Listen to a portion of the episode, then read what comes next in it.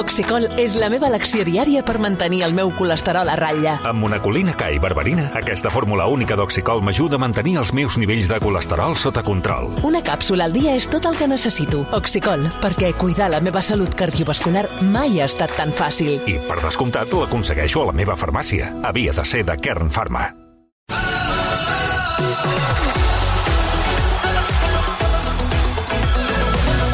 Aquesta nit se celebra la gran final d'OT, d'Operació Triunfo 2023, la primera que s'ha fet a Amazon Prime Video. Era una prova de foc per aquest format, veure si podia aconseguir arrossegar l'audiència que fins ara havia tingut a les cadenes generalistes on sabia més, i de fet aquesta era una primera prova que, que passaven aquestes, eh, aquest tipus de programes per veure si tenia una audiència que es pogués consolidar i si es consolidava donava la perspectiva de que hi hagués molts programes d'entreteniment que puguin deixar d'anar només a plataformes convencionals, sinó que puguin anar precisament a cadenes com aquestes. I sembla que les dades, no hi ha dades públiques, perquè això no acostuma a passar, sembla que les dades indirectes la de la pèrdua, per exemple, d'audiència de les cadenes generalistes els últims dilluns apuntarien al factor OT. Tinent Rovira és el director de Jazz Music, és productor executiu d'Operació Triunfo, però sobretot el que s'ha de dir és que és un tio que té la tele al cap, la televisió al cap. Hola, Tinent, bon dia. Hola, hola bon dia. Hi ha, dies que, hi ha dies que tinc la tele més al cap que d'altres. Però dit això, aquest OT sí. ha anat tan bé com sembla. Ho dic perquè si millor. tu vas a la redacció, veus que la gent mira OT. Ha anat millor. Ha anat millor però no perquè jo tingui les dades, com tu molt bé dius, les plataformes no comparteixen dades, és, un, és una de les coses que, no només Prime, eh? qualsevol, qualsevol plataforma mai et donarà dades sobre el consum o sobre l'encesa de dispositius, però nosaltres, com que, com que tenim un, un, un tipus de, de format, bàsicament, que tu pots mesurar la popularitat d'aquest format. Tu, tu pots veure si, si OT està al carrer o no està al carrer. Una sèrie és més complicada. Però nosaltres, clar, què, què, què ens ha passat? Que el, no tenim la dada de consum, però tenim moltes altres dades que nosaltres sí que podem, que podem fer públiques perquè són nostres. Per exemple? No? Per exemple. Uh, nosaltres, des de que vam decidir que OT havia de ser uh, dins del paradigma digital, tenim una aplicació perquè la gent voti. I tu te registres en l'aplicació i gràcies a aquesta aplicació doncs, tens un vot diari. D'acord. Uh, la última edició que es va fer d'Operació Triunfo, amb, que va batre un rècord de, de gent registrada a l'aplicació, va ser el 2018. El 2018 nosaltres vam tancar l'edició amb 800.000 usuaris registrats. D'acord. Avui en tenim 1.500.000. Hòstia, o sigui, pràcticament el doble. Pràctic... Igual aquesta nit arribarem a doblar doble, les dades de 2018. Això és una dada que, que dius Eh, es pot extrapolar? No ho sé, però de moment la tinc. És sintomàtica. Clar. Nosaltres rebem un milió de vots al dia. Es vol, vol dir que rebem entre 7 i 8 milions de vots, que això no havia passat mai en aquests tres últims anys que els vots teníem... Perquè ja saps que es vota pel favorit de la setmana i es vota també pel nominat. Doncs 8 milions de vots. Dius, home, hi ha molta gent... És que tenim un problema, eh, Tinet, deixa'm que te'l digui. Digue'm. Sobretot, aviam, tenim un problema. Tenim un problema els que, els que, els que tenim una edat estupenda, però una edat, que és que mirem tot en perspectiva de les cadenes convencionals. Clar. I ara, tots plegats, mm. ens haurien de fer mirar perquè ho mirem al revés. És a dir, jo ara quan em connecto, a mi mm. ja no em surt Televisió Espanyola o em surt TV3. A mi em surt una plataforma Clar. amb la qual cosa, si vull veure Televisió Espanyola o vull veure TV3 o vull veure Telecinco, he d'anar a buscar-la també. Mm -hmm. I en canvi surt una plataforma amb la qual cosa que vol dir que la gent jove, la més jove, quan va ja va directament a la plataforma. Li sí. diu, no té que va a Amazon, doncs Amazon. Sí, i, i jo, jo tinc fills a casa meva, tinc fills a l'edat d'emancipar-se sí. i, i no tenen antena. O sigui, no hi ha una antena a les cases. Tu tens un servei de, de, de, de plataforma digital i a través de la plataforma digital veus la televisió convencional. O sigui, jo crec que tot el, tot el tema digital s'ha acabat menjant el lineal.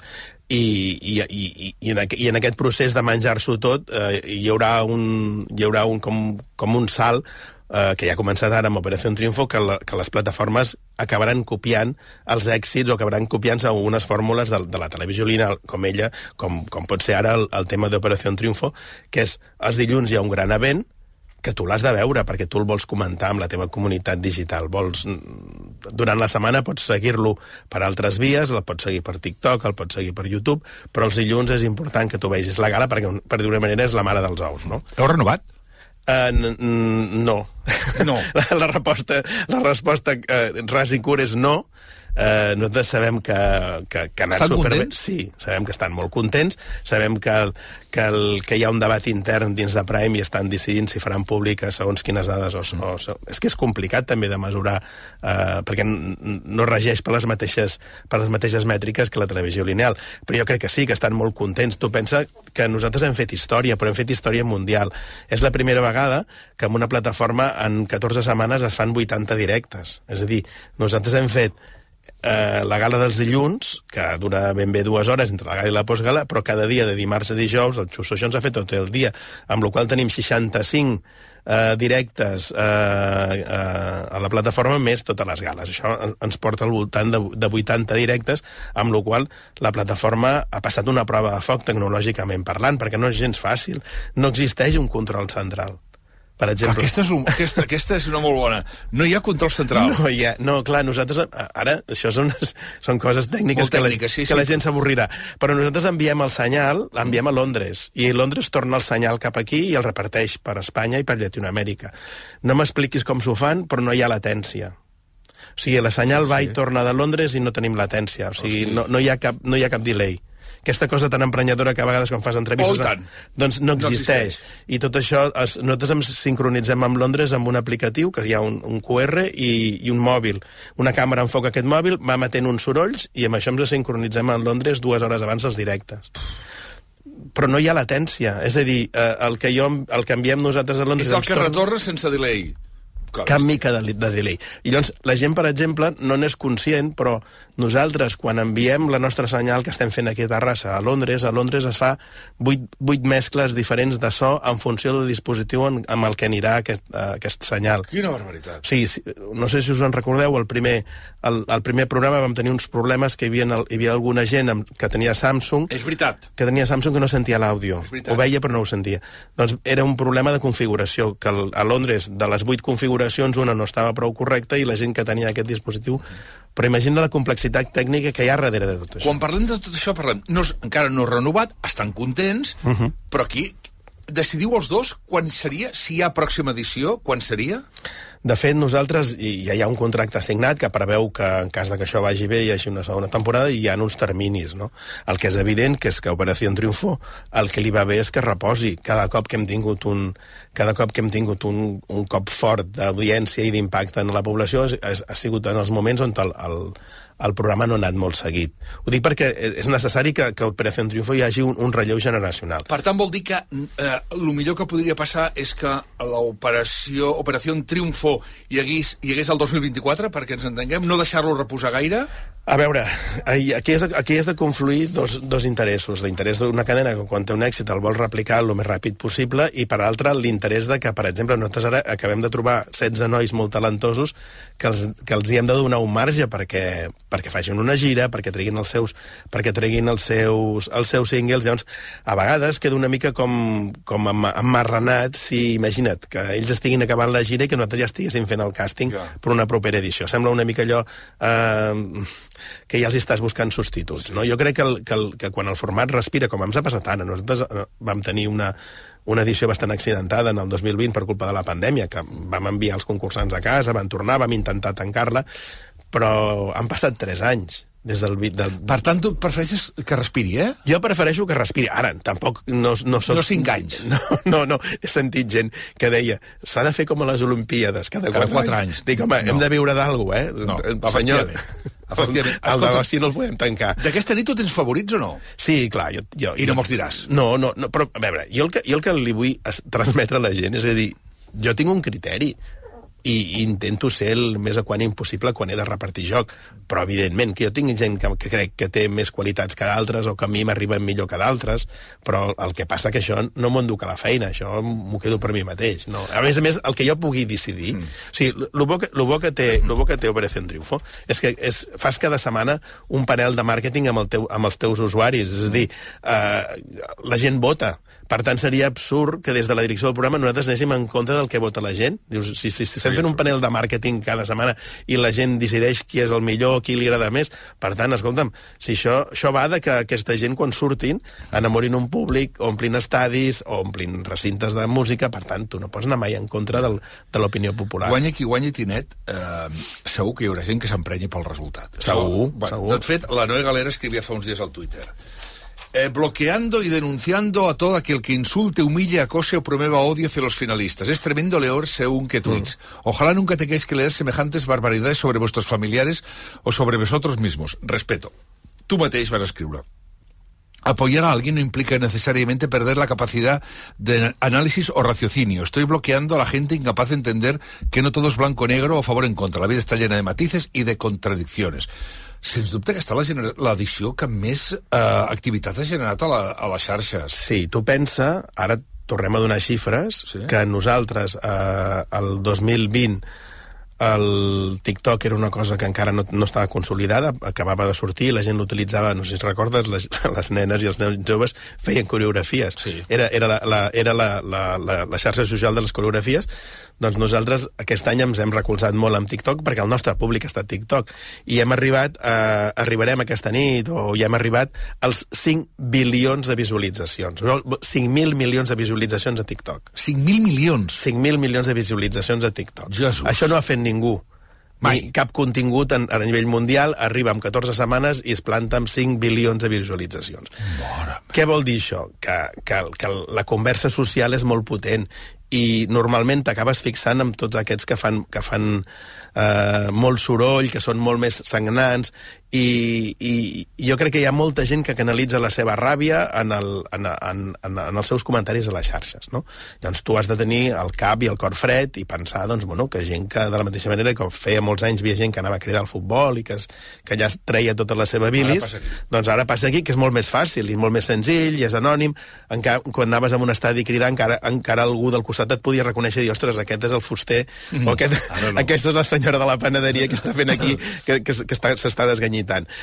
L'anonimat, jo crec que l'anonimat, que hi ha gent molt jove també en les, en les xarxes socials, tot i que ja sabeu que les xarxes socials diuen que menors de 12 anys no poden ser-hi, però hi ha mil maneres mil maneres de... I, I a mi el que realment em preocupa de tot això és que jo crec que hi ha una generació molt jove de gent molt enfadada amb el món, amb la vida, amb, amb, amb una visió molt agra de tot, i penso, ostres, us esteu perdent coses per, per, per culpa d'aquesta agró que esteu transmetent, no? Perquè això no deixa de ser un programa on hi ha gent que canta, que té l'il·lusió de ser cantant, que té, l'il·lusió de ser artista, i tu tria el que t'agradi, no cal. El, el, el que no t'agradi no el segueixis, no, no li diguis res. Eh, Per, per, per, per aquesta gent que està allà dins ha de ser complicat, eh? Perquè això no, gent no, no, anònima... no. Ell, ell no és, ell, per ells no és complicat perquè no tenen accés a res de tot això. Clar, el però- complicat ve després. El complicat ve quan, per exemple, quan van sortir per Nadal, no- nosaltres els hi vam dir vosaltres podeu ser lliures d'entrar i veure les vostres xarxes. Ara penseu que segons que el que pugueu llegir Us afectarà. Us afectarà. Doncs Clar. si tu estàs disposat a això, fes-ho. Si no, no. I ara, quan surtin ells, eh, doncs hauran de fer aquesta, aquesta, aquesta feina de, de, de saber... mm, de saber quedar-se amb, quedar amb les coses bones, perquè hi ha coses bones, eh? jo sempre ho dic, jo sóc molt usuari de, del Twitter, que és un famer, però perquè hi ha coses bones, també hi trobo coses que, a mi que, que em diverteixen o que m'informen, no? Mm. I, i has d'intentar doncs, que totes les coses dolentes no t'afectin. Però hi ha adults que això no ho aguanten. Jo sempre poso l'exemple de, de professors de l'acadèmia que han deixat, de tenir, han deixat de tenir xarxes perquè ells no aguanten una crítica dolenta. Jo, per exemple, parlava amb l'Abril, que ha sigut un dels fenòmens Sí, d'aquest any, l'Abril Zamora, ho ha fet molt bé, i jo li deia, escolta'm, que sàpigues que Twitter, que és un famer, hi ha com una opinió molt favorable a la teva feina. I em diu, no tinc Twitter. Dic, home, doncs ets de les poques que el podies tenir perquè, perquè la gent està molt d'acord amb el que estàs fent i tal. Diu, mira, diu, jo tinc Instagram i no el miro, diu, perquè l'altre dia vaig veure dos comentaris, diu, que no eren dolents, eh, però eren una mica així, diu, ja em van amargar el dia. Clar, Vaja. sí, Sí, sí, t'entenc, si, home, si, tu tens, aqu- si tu tens aquesta sensibilitat, no pots exposar-te d'aquesta manera. Eh, bueno, fet, Però es pot viure, eh, sense els xarxes que, han entrat, home, els que han entrat dins de la, els que han entrat dins de la, de, els antics concursants dins de l'acadèmia i han comentat que el primer que han de fer quan surtin és buscar-se un psicòleg, cosa que em sembla un gran consell. I un advocat. I un advocat també em sembla un gran consell. Per cert, Xenoa, com a presentadora, És, jo crec que és la gran triomfadora d'aquesta per tant, edició. si és per tu, renovaria contracte per continuar amb OT. Jo hi ha, un, hi, ha un, hi ha un seguit de gent que aniria tot arreu amb ells. I, Per i exemple? La, la, la, la, la Laura Latxenó és una d'elles. O sigui, no conec persona més treballadora, més enfocada, eh, que n'és molt conscient sempre de, del que està fent i on està i, i, que ella és, i que ella no deixa de ser un vehicle per un missatge que ha de donar. Eh, la, per mi la, la, la, la Laura Latxenó és fantàstica, però ja ho era quan era joveneta. Mm. O sigui, no és que sigui... Per, per nosaltres, per la gent de Geos Music, no és un descobriment d'última hora. I ja quan, quan cantava ja era així, quan, quan va començar... Sí, ja, quan, quan, quan, quan va començar, perquè ella era de les grans d'OT1, ja tenia 26 anys, doncs ja es notava molt que tenia el cap molt ben amoblat. Val. I l'altre nom que et anava a dir... Um, tu t'imaginaves lo de Concha Huica? La Concha Huica és una aposta personal meva. En sèrio? Sí, sí. Sí, Però perquè tu sabies que això aniria... jo sabia que si li donàvem exposició seria la bomba atòmica, perquè el, però clar, jo vaig haver de convèncer els meus, els meus col·legues d'Amazon de que era la persona que estàvem buscant, perquè jo els deia, dic, dic vosaltres no sabeu el que és. Jo, jo vaig descobrir la Concha Wicca perquè algú a Miami la va descobrir i li feia moltes entrevistes, i ella parlava de la part de la música, però parlava també d'aquesta cosa de, de personal, doncs, de que tot et rellisqui una mica, de que d'enfocar-se, i aquests consells una mica de, de, de, de saber eh, sobreposar-te a tu mateix davant la vida, no? I, I em feia molta gràcia i vaig pensar, ostres, a Miami han descobert el personatge i li feien moltes entrevistes. Jo això ho rebia, ho rebia a través de TikTok, sobretot. I quan vaig posar el seu nom sobre la taula, perquè, a més a més, Concha viu a cavall entre Estats Units, República Dominicana, viu també aquí a Espanya, llavors era una mica complicat. Ella estava en una gira mundial i jo me'n recordo que el, que el dia de la roda de premsa, em sembla que...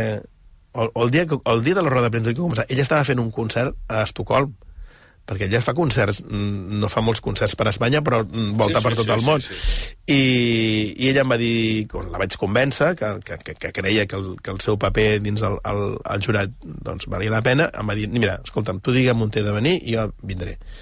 I aquell dia doncs, va fer un concert a Estocolm i l'endemà estava, estava a Terrassa i, i jo crec que ha sigut un, un gran descobriment. Perquè... Per tant, per tu continuaria la pròxima edició. Sí, sí, sens dubte, sens Va. dubte. Eh, aquesta edició ha format una parella dins. Més d'una, em sembla. Sí. Ah, no uh, bueno, sembla que n'hi ha una altra que també, sí. Uh, els concursants són conscients aquests dels que es veuen a fora? Perquè, clar, el primer, mm. la primera edició també et diré una cosa. Um, tu fas amb algun dinar amb gent que grava? Sí, gent que grava? És a dir, si tu mm. un dia a dinar amb Villarejo, per posar un sí. exemple, hi ha un moment que la gent s'oblida que estàs gravant. Sí, això passa tot arreu. És a dir, tu expliques que hi ha càmeres, n'hi ha 50 dins l'acadèmia, i dius, l'únic lloc, l'únic lloc on no, no els quartos de és el, dins, el, el, dins les dutxes i dins el, el, a l'espai vostre, que és el dormitori. Tot el que passi allà dintre, nosaltres ho interpretem, que és una cosa privada, tot el que feu o dieu en les zones públiques, nosaltres interpretem que tu no et fa cap mena d'angúnia que això es vegi, que se sàpiga. Què tenen de bo, crec jo, aquesta edició? Aquesta edició tenen de bo que, que són molt naturals expressant els seus sentiments Fixa't que és la generació que ha passat dos anys tancada a casa per culpa de la pandèmia. Totalment d'acord. Que durant dos Totalment anys aquesta gent, la, única, la seva única manera de relació ha sigut la cosa digital, fer zooms amb els amics, fer watch parties, tot ha sigut, la seva relació durant dos anys ha sigut, estic tancat a casa meva, a l'època de la meva vida, a la meva adolescència, que és l'època de sortir, d'estar amb els amics, d'emborratxar-te i de, de tenir una ressaca l'endemà, que dius mai més tornaré a veure. Eh, estàs en una fase com d'experimentació i de, i de, i de provar-te tu mateix i de provar-te amb la vida, però estàs tancat a casa teva i estàs tancat amb els teus pares. I l'única manera de relació que tens amb tots els de la teva edat és via Zoom, fins i tot fas les classes per Zoom. Penseu que aquests han estat dos anys tancats. Sí, sí, sí. Doncs, de cop, eh, aquests tens, tens l'oportunitat de que estiguin en una, en una acadèmia les càmeres formen part del seu dia a dia. I m'ha agradat molt la manera, la naturalitat amb què han parlat dels seus sentiments, no només dels, del, de l'amor, de, de com ells se sentien, no? De dir, estic bé, estic malament, i, i ho fan amb molta naturalitat perquè estan molt acostumats a que la seva vida doncs, passi a través d'una càmera. Al marge d'OT, eh, tens Jazz Music, té el Tocar a Messuna que va com un tiro. Sí, i, això ja i van fer els Goya l'altre dia. I van fer els Goya, sí, sí, que van fer els Goya, que els Javis són... Est... són est... No, l'Anna Belén és estupenda. Anna Belén. Els, els Javis és com un descobriment de, de joventut i d'una explosió d'alegria, però l'Anna Belén a mi em segueix sorprenent que una persona amb 72 anys, em sembla que, que té... estupenda. Que...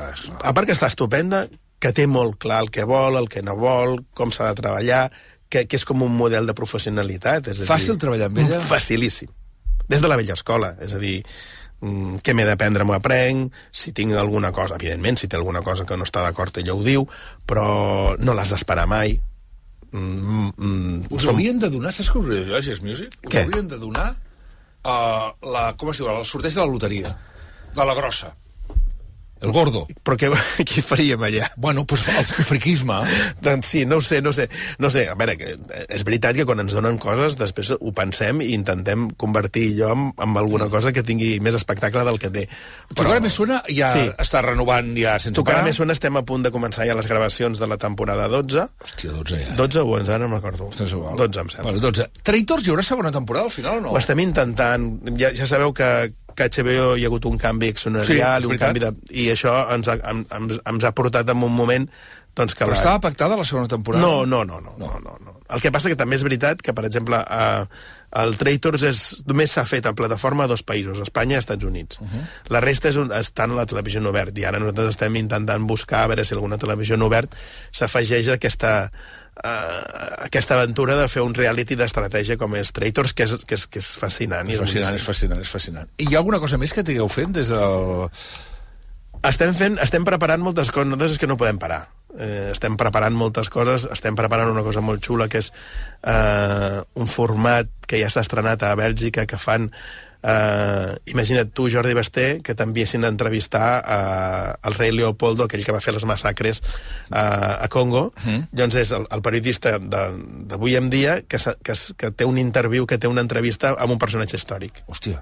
i llavors el, el, el periodista va al Palau i llavors hi ha tota una recreació i el periodista va amb el seu mòbil sí. i el rei et rep amb, amb, amb, amb, Amb, el que passava en aquella època. Sí, se li, fan, amb- se, li, se li fan les preguntes d'avui en dia amb algun personatge bo. històric. I és, és, és, és molt insòlid el format, no és nostre, és, Sí? és un format... I ja heu començat o no?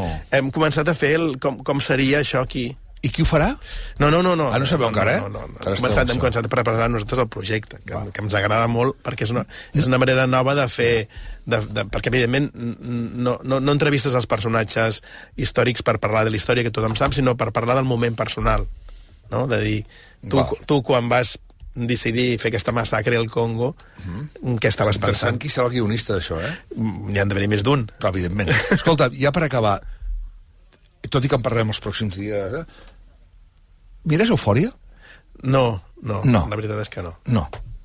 Ho veus com un OT, tu? Perquè això tu no t'ho he preguntat. Vaig preguntar a qui presenta la demanda, però tu em sembla que no t'ho he preguntat mai. Home, eh, que està clar que, que Operació Triunfo ha sigut una font d'inspiració, això està claríssim. Que en els, en els inicis jo sí que vaig veure, per exemple, els programes de càsting de la primera, de la primera temporada i, i la fórmula era bastant calcada. Però, bueno, això estarà ara sub judici, i ara hi haurà un jutge que se- s'asseurà i veurà eh, el que diu una part i el que diu l'altra i decidirà mm, com aquestes coses, dius, com, com ho diuen els polítics, no? Si esto, Esto está judicializado hasta que no se sepa la Ah, sentencia, no voy a opinar. Eh, Farem cas al jutge, no sé si és un jutge imagina't que és un jutge que és, que és un enamorat de la Rosa i el Bisbal, doncs ja... Ja està. Ha guanyat Veïnat i Cruz. Saps? Que, que imagina't que és al revés, que és un jutge que és molt, molt de TV3 i que veu eufòria i, i decideix que No, no. per tant, home.